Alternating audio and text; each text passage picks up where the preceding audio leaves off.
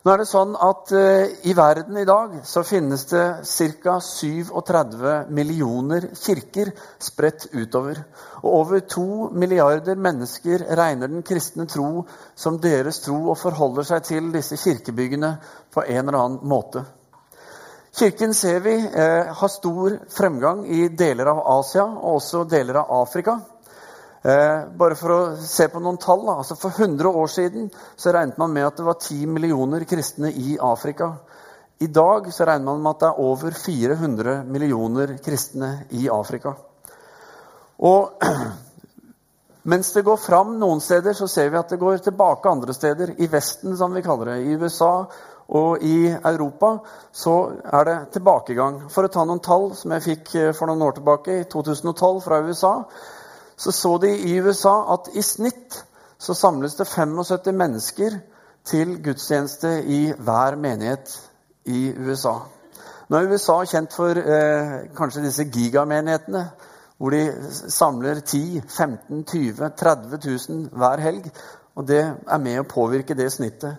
I snitt så, så de at én eh, person ble frelst i året per menighet.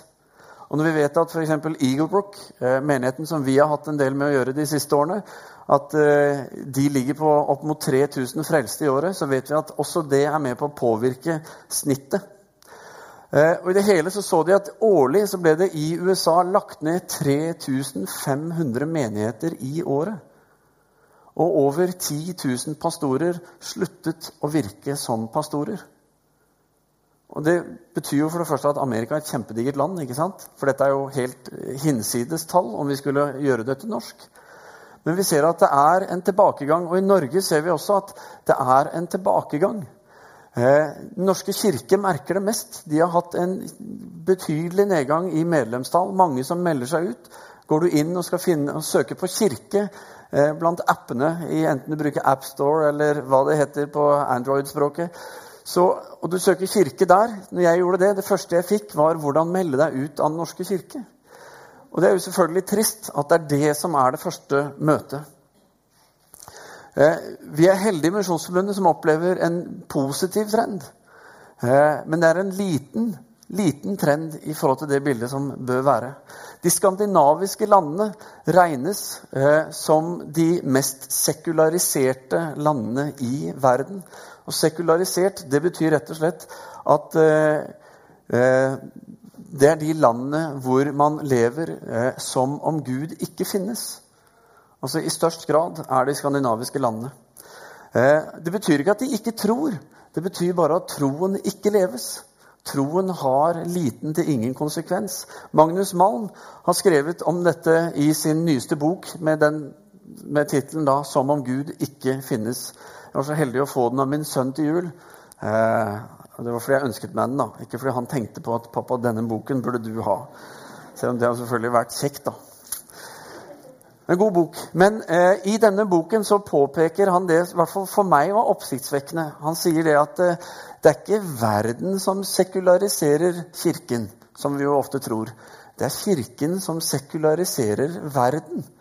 Ved å trekke evangeliet tilbake til den private sfæren lar Kirken stadig flere områder av livet ligge åpen for sekulariseringen. Altså det å slutte å leve som om troen på en måte er der.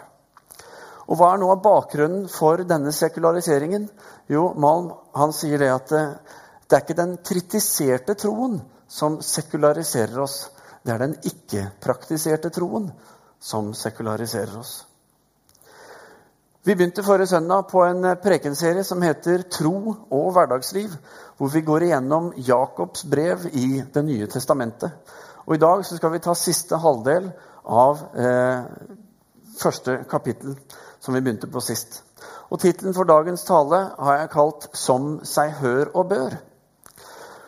Som seg hør og bør, det er et uh, ordtak som henspiller på det som naturlig følger av noe.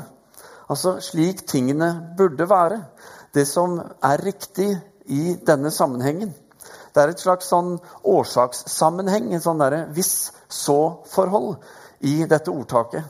Som forventer et naturlig resultat, som man da tenker. Altså, Hvis det begynner å brenne, ja, da går vi ut. ikke sant? Det er en naturlig Som sa hør og bør, så gikk man ut av bygget da det begynte å brenne. kunne man gjengitt i en nyhetsgreie. ikke sant? Og Jakob, i eh, denne siste delen av første kapittel, så synes han å fremme en sånn derre som seg hør og bør-tanke i forhold til det ordet sier. Eh, her er det verdt å merke seg at når vi snakker om ordet i vår tid i dag, så er det ofte en henvisning til Bibelen. Dette er Guds ord. Dette er ordet som vi har det. Og kanskje mer spesifikt så snakker vi da om evangeliet, altså fortellingen om Jesus. At Jesus kom, ble menneske, osv. Når Jakob henviser til ordet, så har ikke han en ferdig bibel. Faktisk så sitter han og skriver deler av den. ikke sant? Og det er enda mye som ikke er skrevet. Eh, så men det de hadde, det var jo at Jesus hadde vært der iblant dem. De hadde et rykende ferskt evangelium som de spredte videre, som de fortalte, og som de delte. Og Johannes, som skrev Johannes-evangeliet, blant annet, han sa jo at Jesus er dette ordet. Så når han snakker om ordet, så er det Jesus, det Jesus har gitt oss, og det han representerte, som er utgangspunktet. Eh, og så snakker han om at eh, for de som har hørt ordet, så er det blitt plantet inn i oss. Altså det er noe som er lagt inn i oss, som har potensial til å bli noe mer. Og for de som tror, og som har tatt imot, det er disse som Jakob da skriver til. De som er kristne, og som lever rundt utenfor Israel, var liksom hans uh, siktemål med dette brevet. Men Jakob sier i vers 21 i kapittel 1 så sier han Legg da av alt urent og all ondskap, og ta ydmykt imot det ordet som er plantet i dere, og som har makt til å frelse sjelene deres. Så som en sånn der konsekvens, legg da av, sier han. Eh, og her, Etter dette så kommer da det kanskje store som seg hør og børe. Altså den store naturlige konsekvensen, og det er vers 22, hvor han sier dere må gjøre det ordet sier, ikke bare høre det, ellers vil dere bedra dere selv. Som jeg sa sist søndag, så er det masse formaninger i Jakobs brev. Og det kan føles heftig til tider å eh, forholde seg til det Jakob skriver. Og det er sånn at Hvis formaningene overkjører oss, altså skaper et krav, et sånn 'du må gjøre dette', uansett hvordan forholdene er, så selvfølgelig så er formaningene ikke riktig for oss, altså, eller riktig forstått. Eh, når formaningene blir for store for oss, så tror jeg det beste vi gjør, er å spørre oss selv hvorfor reagerer jeg sånn som jeg gjør. Hvorfor er dette vanskelig for meg? Og så begynne å gå en gang med det. Fordi jeg tror at Jakob han formaner oss ikke for at vi skal bli noe, men fordi vi er noe. Altså Det er lagt ned noe i oss som har et langt større potensial, som han ønsker å tale inn i. Vi er noe fordi Gud selv har plantet sitt ord i oss. Og vår utfordring, vår oppgave, er å ta dette imot Tro det, og så la det få handlingsrom. La troen få handlingsrom. Altså at det er mulighet til å faktisk si OK, Gud, dette har du sagt. Da velger jeg å ta dette lille eller store, eller hvordan vi føler det. Men at det er rom for å gjøre noe med det. Og når Jakob sier at vi må gjøre det, så handler det for han om et tenker jeg, et sånn som seg hør og bør. Altså Dette er en naturlig konsekvens av å høre. Det er også å gjøre. Eh, for det å gjøre ordet, det hjelper oss til å tro. Det hjelper oss til å forstå ordet. For når vi gjør ordet, så får vi erfare det. Og da får vi en helt annen forståelsesgrunnlag enn det som er der. Og det som er med ordet, altså det Jesus kom med, det han er, det representerer det vi på pent kaller et paradigmeskifte. Et paradigmeskifte det er når eh, en måte å tenke på forandres. Forandres fra, eh, ikke fra det lille, men fra å forandres veldig mye til å forandres helt. Så jeg snakker ikke om at du har fått ny fjernkontroll hjemme, og at volumkontrollen er på et annet sted. ikke sant? Og at dette er noe stort å forholde seg til. Dette var vanskelig. Men her snakker vi om kanskje at jorda er ikke flat lenger. Har du hørt det? Nå er den rund. Og det forandrer ganske mye av hvordan vi tenker. Og Jesus, når han kom, så eh, var jo nettopp dette han representerte. Greta Worsøberg, som dere, mange av dere kjenner, som går her i menigheten, vi spilte inn et intervju med henne på film for eh, et år to siden. Noen av dere har sett det. Vi skal se det igjen, nettopp fordi det gir oss et bilde av nettopp dette skiftet. Snurr filmen.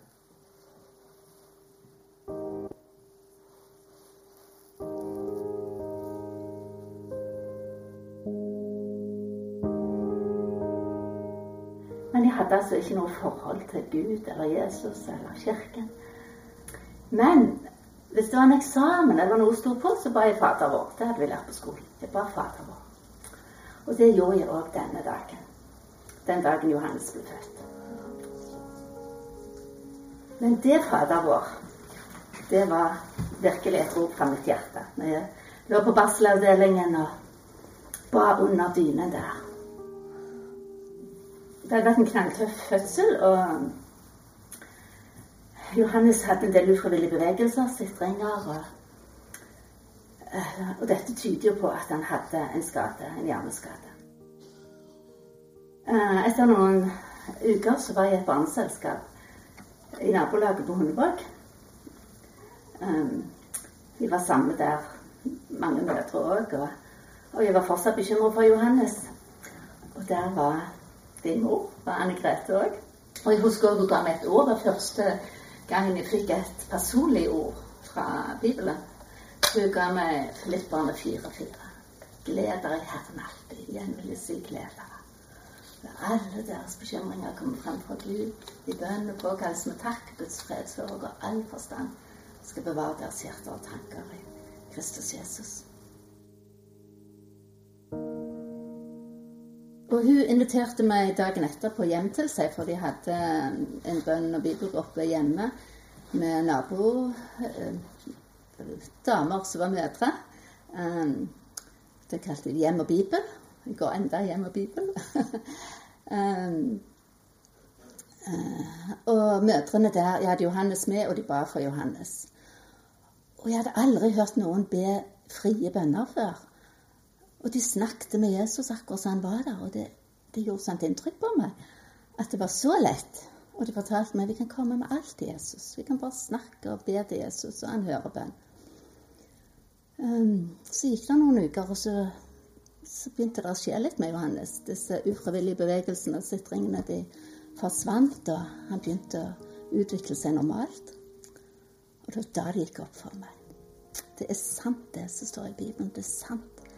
Jesus lever i dag. Han er den samme i dag som han var når han gikk på jorden. Han hører bønn. Han er en bønnhørende Gud som handler på bønnene våre. Og det gjorde noe med meg. Så den dagen flytter Jesus inn i hjertet mitt.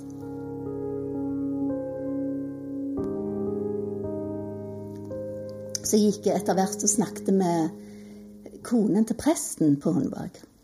For jeg spurte hva, hva er det jeg skal gjøre nå? Nå vil jeg følge Jesus. Og hvordan, ja, hvordan skal jeg leve? Og Da viste du til Apostelens gjerninger 242, hvor det står at eh, de holdt seg trofast til apostelens lære og fellesskapet, til brødsbrytelsen og bønnene.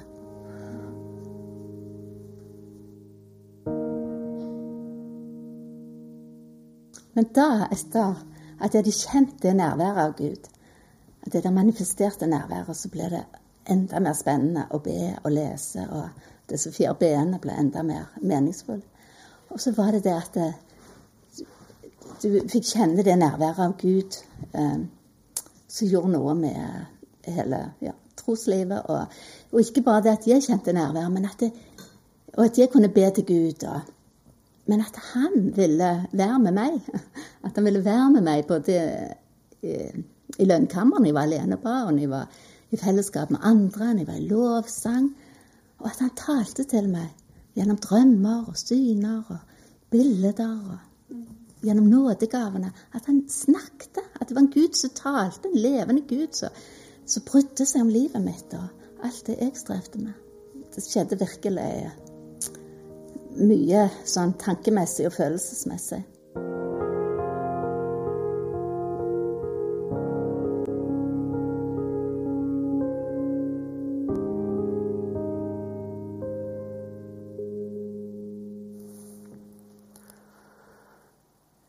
Jesus kom for å vise oss hvem Gud er. Han kom for å synliggjøre Guds rike. Og han eh, introduserte Guds rike og eh, alt det som det riket representerer. Og vårt møte med det, menneskers møte med det, blir og er et paradigmeskifte. Fordi sånn vi var vant med å tenke om Gud, det forandres. Altså Gud kommer selv og ønsker å forandre våre gudsbilder. Han gjorde det den gangen da, og jeg tror han ønsker å gjøre det også i dag. Jesus forandret alt. Det er derfor vi akkurat har feiret jul, og det er derfor vi snart skal feire påske. Fordi Jesus forandret alt. og Derfor sa Jesus også så mange ganger dere har hørt det er sagt, men jeg sier dere. Han kom for å gi oss en ny hverdag med vår Far i himmelen. Han kom for å gi oss Den hellige ånd i gave, Guds egen ånd. Han kom for å vise oss at i Han, i Sønnen, i dette ordet som var plantet i oss, så er vi Guds barn. Vi er Guds sønner og døtre. Vi er Jesu bror, Jesu søster. Han kom for å vise oss at vi skulle få lov til å leve slik Jesus levde.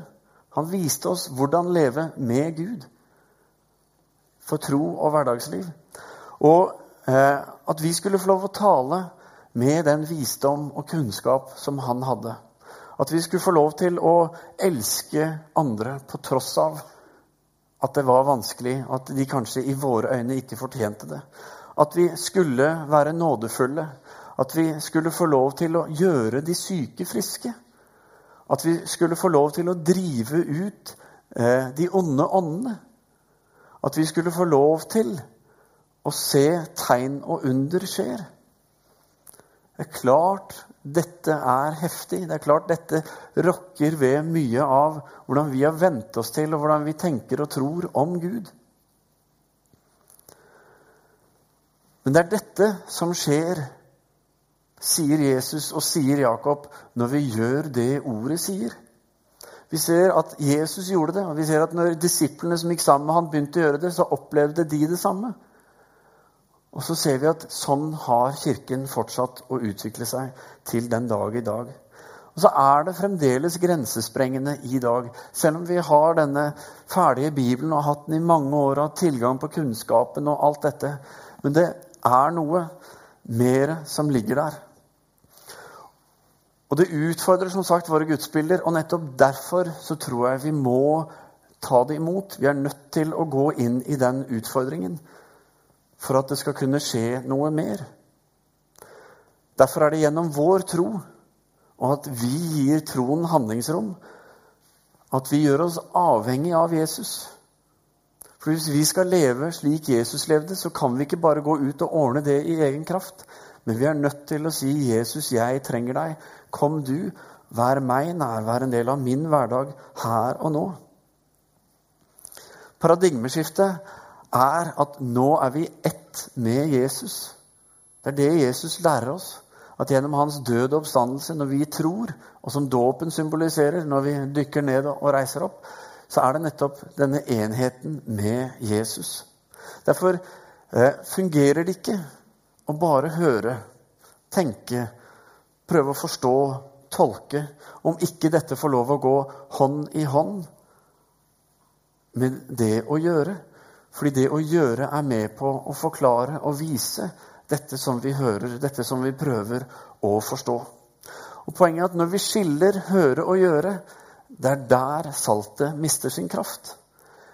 I bergprekenen i Matteus 5 så sier Jesus dere er jordens salt. Men hvis saltet mister sin kraft, hvordan skal det da bli gjort til salt igjen? Det duger ikke lenger til noe, men kastes bort og tråkkes ned av menneskene.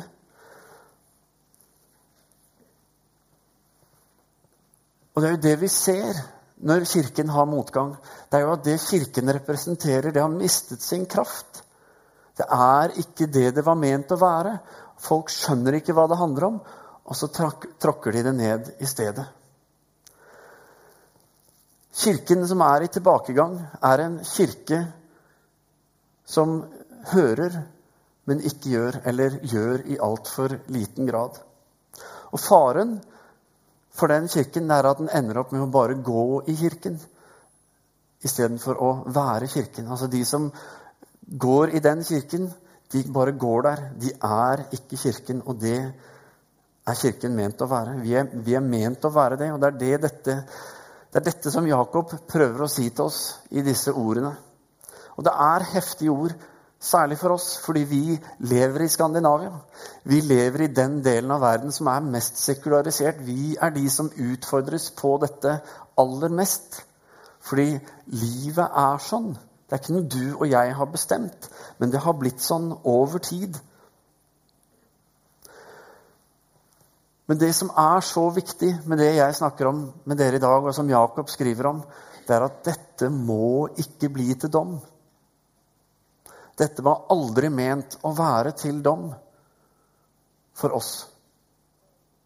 Vi har ikke strøket, men dette er ment å være til vekkelse.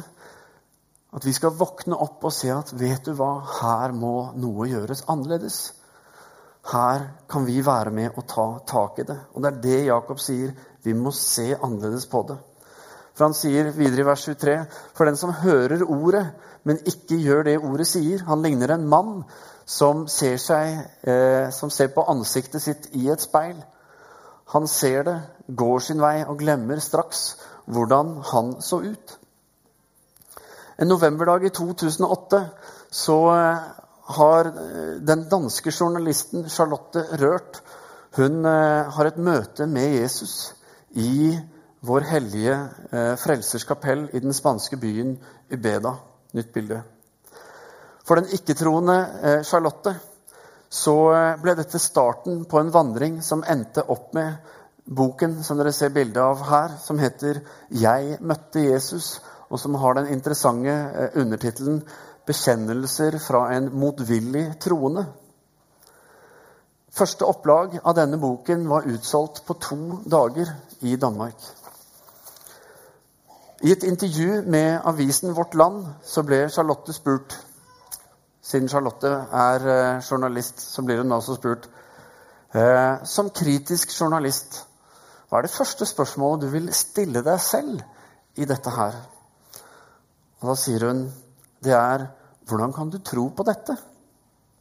Og svaret på det er at jeg tror på det fordi jeg har opplevd det. Jeg har kun min egen troverdighet å by på. Jeg kan ikke bevise det eller etterprøve det.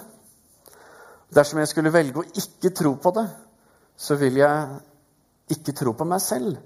Og det kan jeg heller ikke leve med. Hva er det vi ser i speilet? Glemmer vi det, eller ser vi at her er det noe vi må gjøre noe med? Vi trenger ikke alltid å forstå, men det å oppleve og det å erfare, det å gjøre det, er med på å hjelpe oss til å vite, selv om ikke vi forstår det alltid. Tro blir full visshet.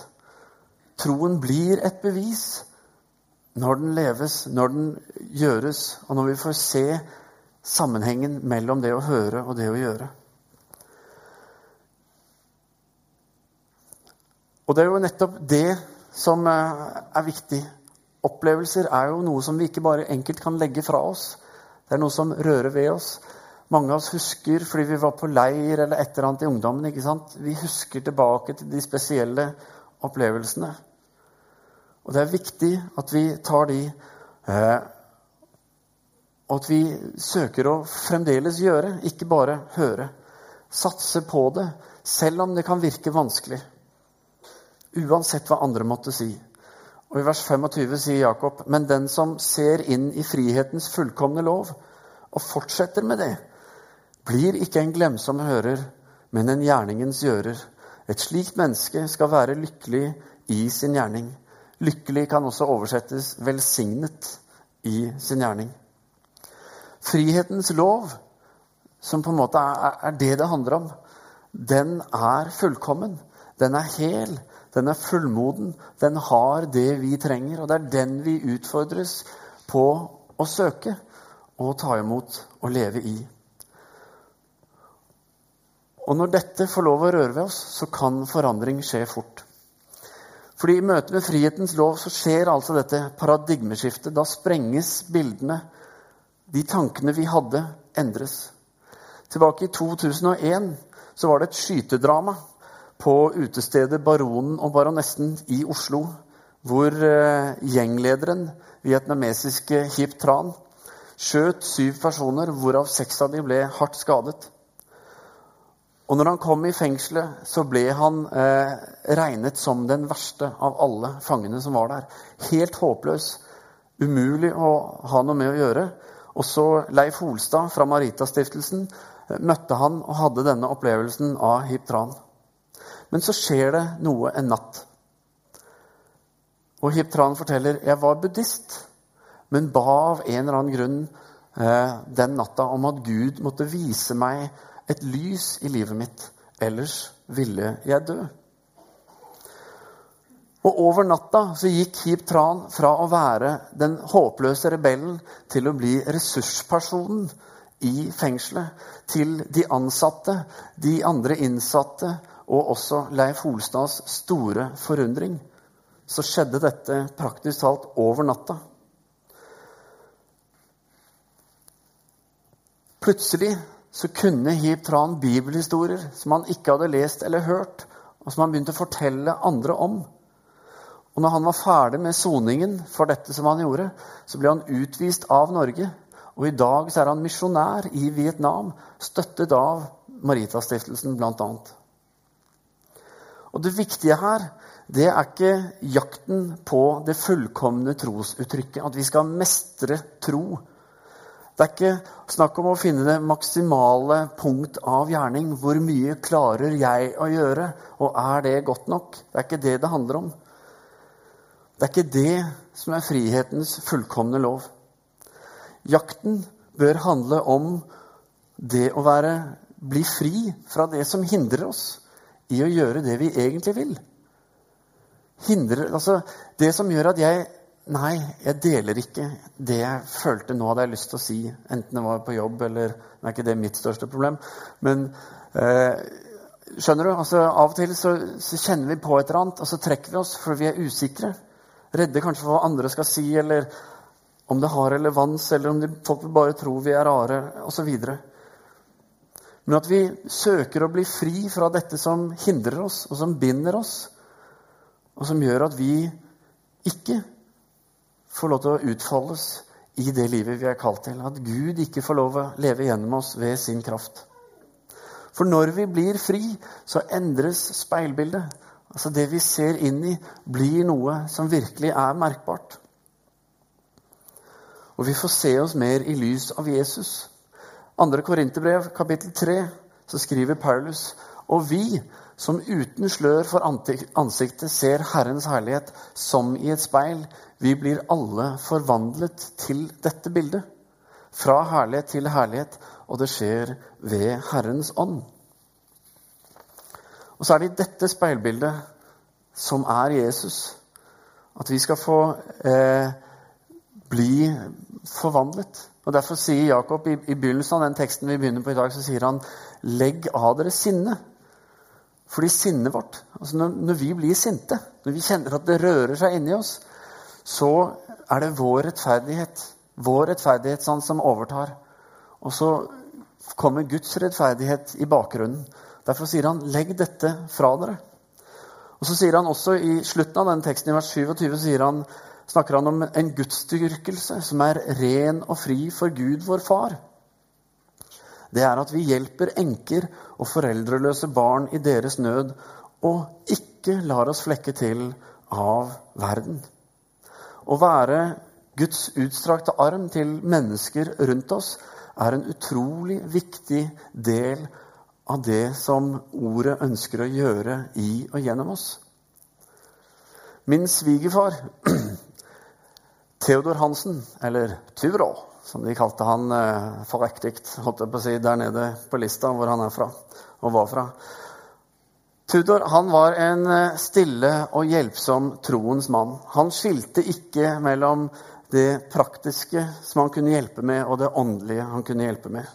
Han var snekker av fag, men så hadde han et kall innenfor dette med bønn spesielt. Og Han snekret og hjalp enkene på lista, for det sto det i Bibelen, som vi akkurat leste.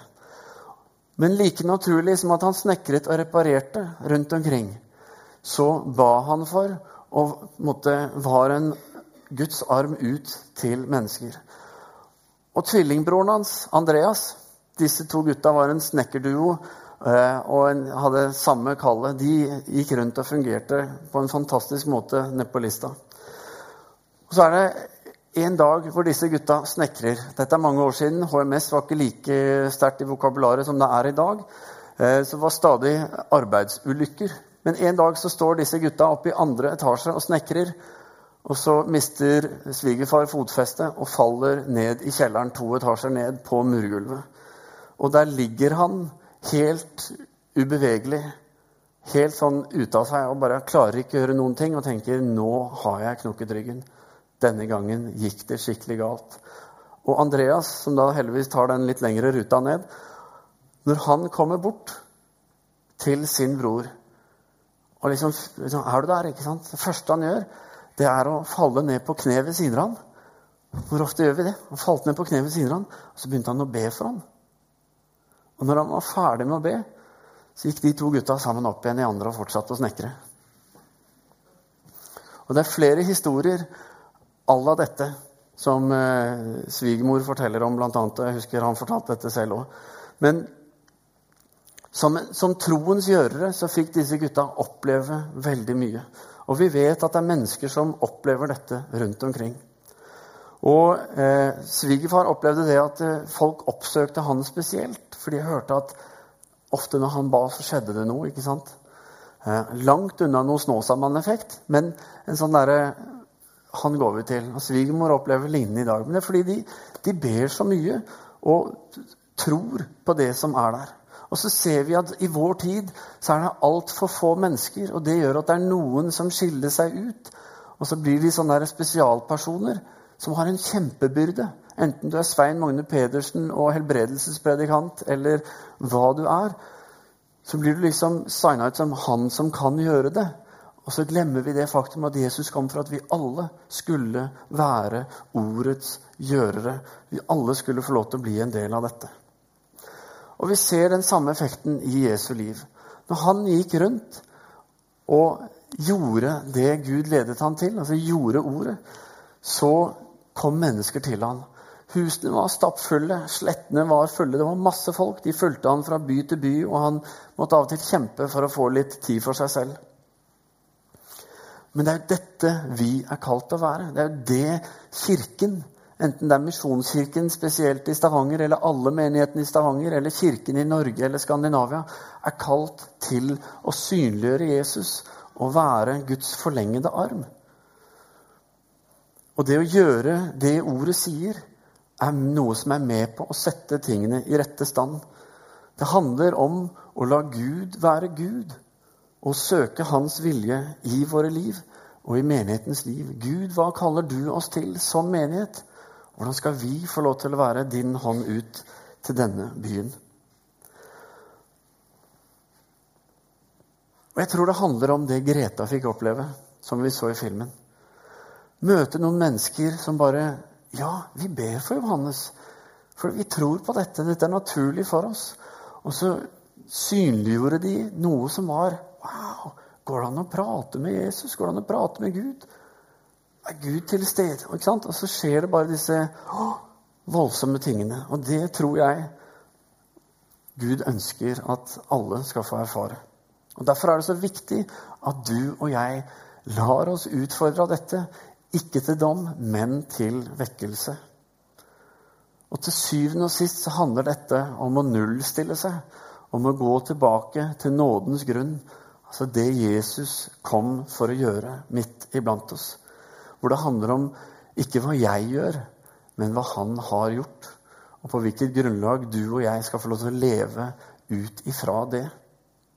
Og kanskje betyr det at vi som lever i Skandinavia i dag, må si Gud, jeg trodde jeg hadde skjønt dette. Jeg trodde jeg hadde ganske god kontroll. At jeg levde et ganske godt liv. Og så sier jeg ikke at alle lever dårlig liv. Overhodet ikke. Jeg sier at det finnes noe lagt ned i oss som Gud ønsker å vekke opp, som han ønsker å synliggjøre enda mer, og som jeg tror vil være til enorm velsignelse for oss. Å få lov til å ha en tillit og en trygghet og en fred i den troen som vi har. Få lov til å hvile i. Vi snakker om å gjøre, og det kan høres ut som strev og kav, men det handler om å hvile i og la dette få lov å bli en del av vår tro og av vårt hverdagsliv. Og så blir det i lys av det ordet sier, så tror jeg dette blir noe som seg hør og bør. Skal vi be. Kjære himmelske Far, takk for at eh, du kommer først og fremst, Herre, for å sette oss fri. Du kommer, Herre, for å gi oss av ditt fantastiske rike.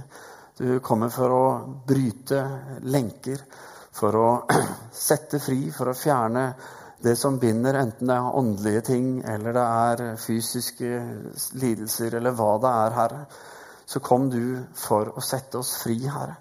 For å vise oss hva du har skapt oss til. For å vise oss det livet, Herre, som eh, du levde, og som du inviterer oss til å leve. Herre, jeg ber om at eh, vi som dine barn, vi som tror på deg, vi som menighet, Herre, at vi skal få lov til å kjenne at vi blir vekket. At vi får en lengsel etter å leve nærere deg. At eh, troen skal bli en mye større del av hverdagslivet. Ikke bare det stille og tilbaketrukne i den private sfæren, men at vi skal ta det med oss ut. Og at det skal bli en naturlig del av livene våre. Ikke en påtatt, masete 'og nå er det han igjen'.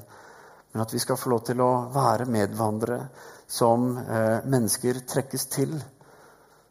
Og Det tror jeg du har kalt oss til å være. Så jeg ber, Herre, tal til oss. Rør ved oss, Herre, med akkurat det vi trenger å høre, den enkelte av oss. Og la oss, Herre, få se velsignelsen, betydningen og friheten og få lov til å også gjøre det som ordet ditt sier, Herre. Og så takker jeg deg, Herre, for at du gjennom det vil forandre verden. Forandre våre liv, forandre nabolagene våre, byene våre, landene våre, Herre, og hele verden. Kom, Herre, vi ber i Jesu navn. Amen.